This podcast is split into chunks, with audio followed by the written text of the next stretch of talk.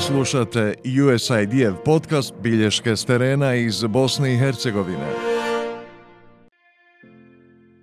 Dobar dan, dobrodošli u novi USID podcast Bilješke s terena. Danas govorimo o slobodi i pravu na različitost, pravu na biti drugačiji po ubjeđenju, boji kože, po opredjeljenju. Kažu da slobodu valja osvojiti, ali i da se ona prostire do tačke gdje počinje ugrožavanje tuđe slobode, jer tada počinje ugrožavanje ljudskih prava i prava na različitost. Bez obzira na činjenicu da Ustav Bosne i Hercegovine i svih 13 ustava na nižim nivoima vlasti garantuju slobodu pojedinca, i da su Evropska konvencija za zaštitu ljudskih prava i osnovnih sloboda, kao i njeni protokoli, iznad Ustava Bosne i Hercegovine ili stariji od njega, Mnogo je tužnih priča. Hiljade ljudi svake godine pišu ombudsmenima za zaštitu ljudskih prava u Bosni i Hercegovini tražeći zaštitu, a mediji svakodnevno izvještavaju o slučajevima kršenja prava, diskriminaciji ili marginalizaciji pojedinaca ili određenih ranjivih grupa, upravo zbog njihove različitosti. I to se dešava iako brojnije udruženja građana rade na podizanju svijesti,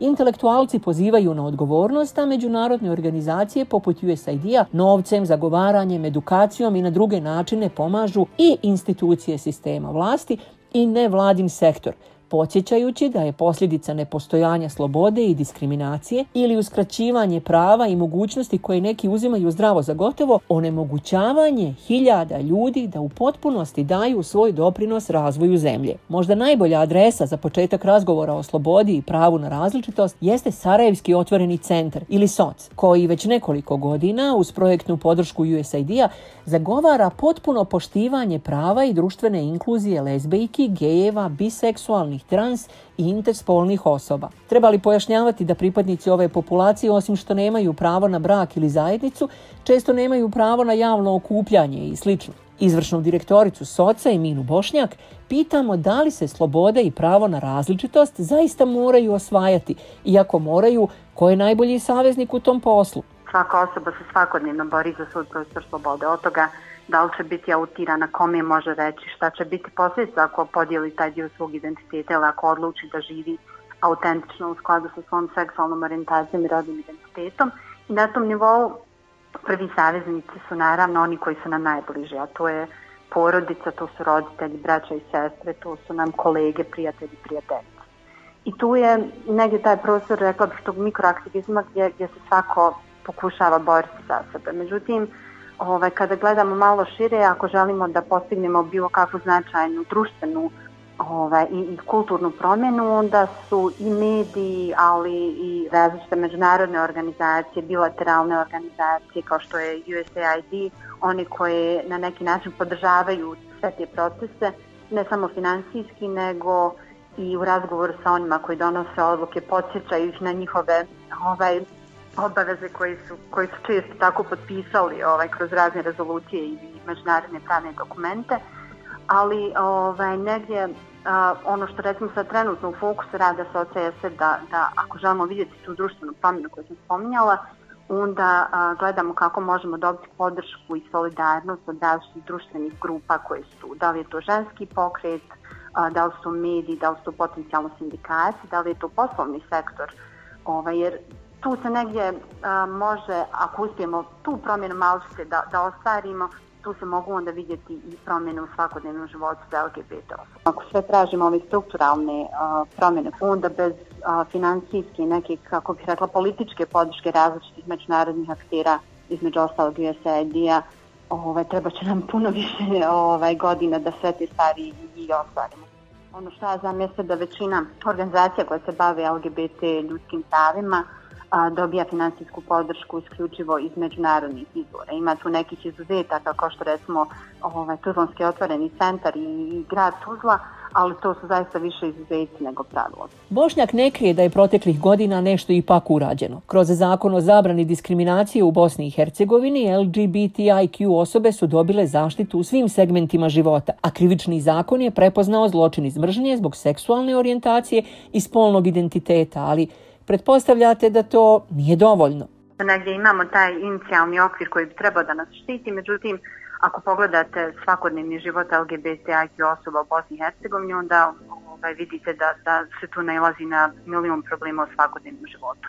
Od problema koje isto spolni partneri i partnerce imaju u rješavanju njihovih socijalno-ekonomskih prava koje nisu na bilo koji način prepoznate našim zakonima, do problema koje transrodne osobe, ali recimo i njihove porodice, problema na koje nalazi kada pokušaju da, da promijene oznaku spola ili kad traže odgovarajuću transinkluzivnu medicinsku njegu skrb i, i ovaj, osiguranje. Tako da negdje zaštićeni smo nominalno od, od najgorih kršenja ljudskih prava, ali ako se malo zagrebe površina, tu još uvijek je dosta posla i za samu LGBT zajednicu u kontekstu našeg zagovaranja za, za ove promjene koje želimo vidjeti, ali za one koje donose ko odluke o nama kako, kako naš život svakodnevno izgleda.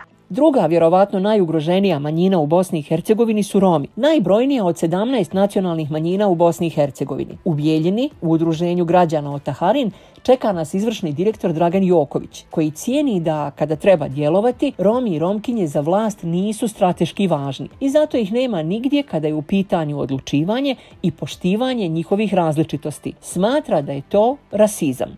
Sam položaj Roma i Romkinja rekao bih da je vrlo nezavid, to vidimo profesor Sedić Finci koja nikada nije dovedena, a i vidimo po statistikama svim da u Bosni i Hercegovini najveća nezaposlenost jeste kod Roma, e, Romi su najveća nacionalna manjina, nemaju svoj jezik koji mogu da koriste u školama, odnosno nemaju još uvijek nastavu na svom jeziku, nemaju te mogućnosti. E, tako da nekako rekao bih da su njihova prava još uvijek nedovoljno ispunjena i da sami Romi i Romkinje zaslužuju mnogo značajniju ulogu u našem društvu, da budu jednaki u konačnici da i ostvare svoja prava kao što bi to e, i najveća i najbrojnija manjina u Bosni i Hercegovini trebala.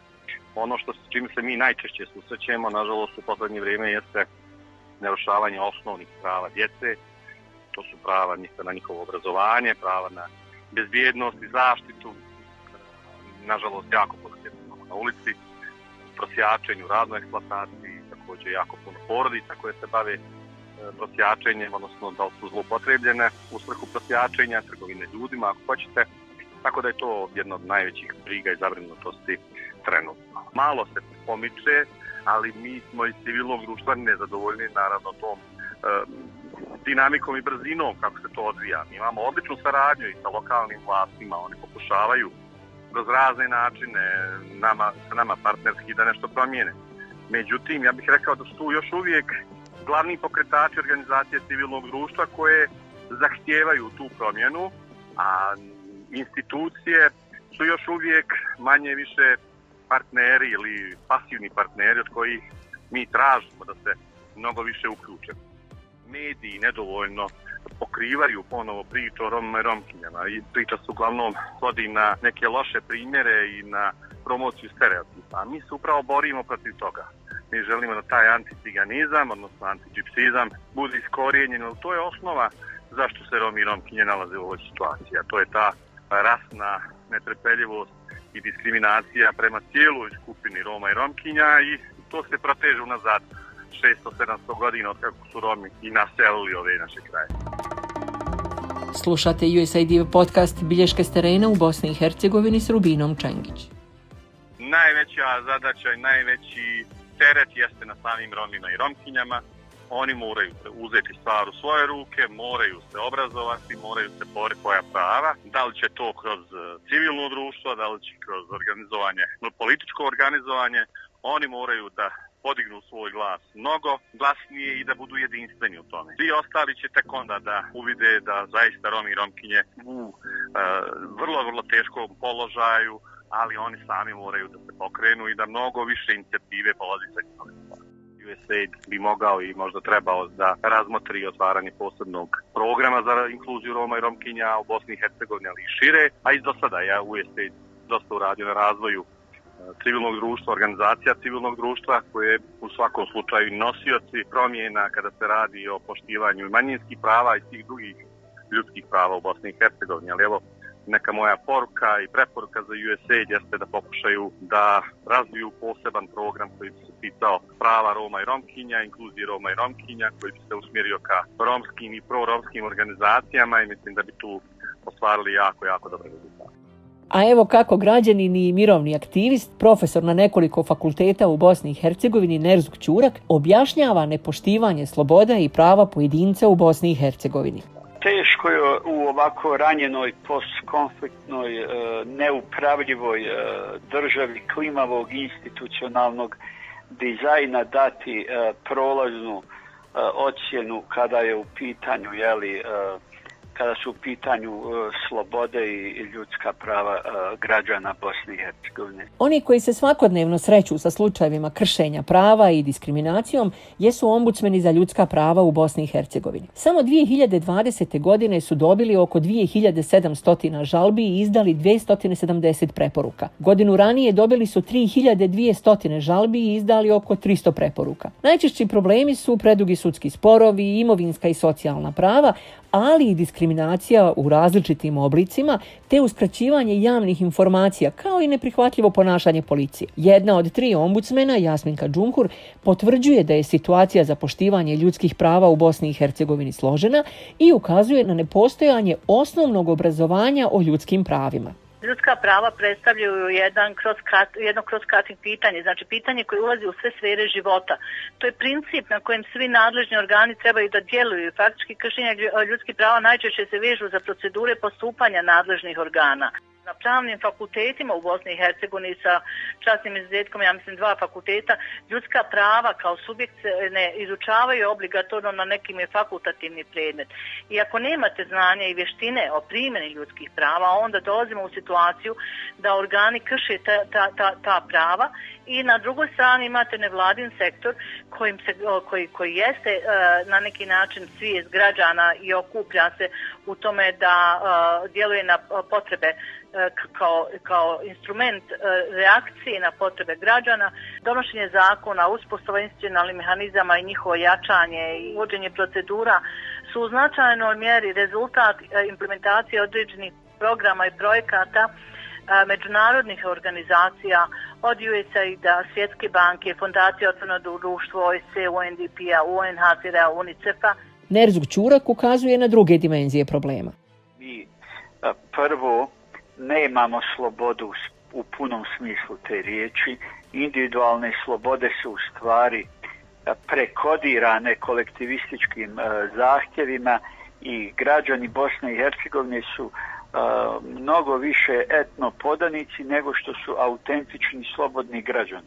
Čim imate takvu poziciju, ne možemo govoriti dakle o ljudskim pravima koja, koja se u, u potpunosti e, poštuju. Naprotiv, ja mislim da mi imamo e, državu koja samom svojom e, strukturom e, blokira zbiljsku slobodu i blokira zbiljsku izgradnju autentičnih ljudskih prava. Slušate USAID podcast Bilješke s terena u Bosni i Hercegovini s Rubinom Čengić. Dati prolaznu ocjenu medijima, dakle da su u punoj uh, funkciji onoga što bi trebali na neki način uh, da rade. Dakle, da u značajnoj mjeri kroz uh, izvještavanje uh, o događajima da na neki način i educiraju javno, znači u pravom smislu izgradnje e, slobode i ljudskih prava. Razlog toga je što imamo jednu vrlo anarhičnu e, situaciju u, u medijima, što je, kra, što je po meni krajnje ozbiljno postaviti pitanje šta su to e, mediji danas u, u Bosni i Hercegovini, gdje imamo jednu široku paletu, jeli, u stvari, tabloidnog e, novinarstva, novinarstva koje je u strašnoj simbiotičkoj klopci sa a, političarima, sa, a, sa biznismenima, sa, a, sa etno-poduzetničkim a, strukturama i tu ne može biti a, ni slobode ni pravde. I Džumhur upozorava na medije. Bez medijskog djelovanja je ta, ta informacija koja ide od građana kojima su prava ugrožena do institucija i, i saopštavanja informacija od institucija prema građanima je ključni element jer se time sprečava dezinformisanost javnost, neuređenost medijskog prostora, pa donekle izraža nespremnost određenih eh, subjekata u koji djeluju u medijskom prostoru da se to ne uredi, dovodi do situacije da često da, da imamo podijeljenost, da u jednom dijelu su mediji konstruktivni partner zaštiti promocije ljudskih prava, a drugim sastavni dio procesa kršenja ljudskih prava. Ali Nerzuk Čurak ima prijedlog kako popraviti stanje, barem u medijima. Ključna je uloga da se vrati jedan profesionalni integritet e, novinarstvu, da negdje o, o, ojačaju esnavska udruženja koja bi uspostavila vrlo relevantne e, kriterije e, gdje bi negdje pomeni pravna regulativa morala da e, snažnije regulira e, medijsku scenu u smislu dakle da se zna šta je medij ko finansijski stoji iza medija, a ne da imamo e, na, na, na desetine portala koji naprosto nema nikakvog smisla, egzistiraju jel, u medijskom prostoru kao da su mediji. Različiti USAID-evi programi jačaju profesionalne medije, odgovorne organizacije civilnog društva i same građane da se uključe u zagovaranje i građanske akcije za poboljšanje kvaliteta života u Bosni i Hercegovini i veći stepen poštivanja različitosti. Inače, Američka agencija za međunarodni razvoj predvodi napore američke vlade da se zaustavi ekonomsko siromaštvo i promoviraju stabilna demokratska društva. 2021. godine USAID i Bosna i Hercegovina obilježavaju 25 godina partnerstva, a do danas je američka vlada, prvenstveno putem USAID-a, obezbijedila pomoć veću od 2 milijarde dolara za podršku ekonomskom, demokratskom i socijalnom napretku u Bosni i Hercegovini. Eto ga, hvala na pažnji i do slušanja do narednog podcasta, narednih bilješki s terena.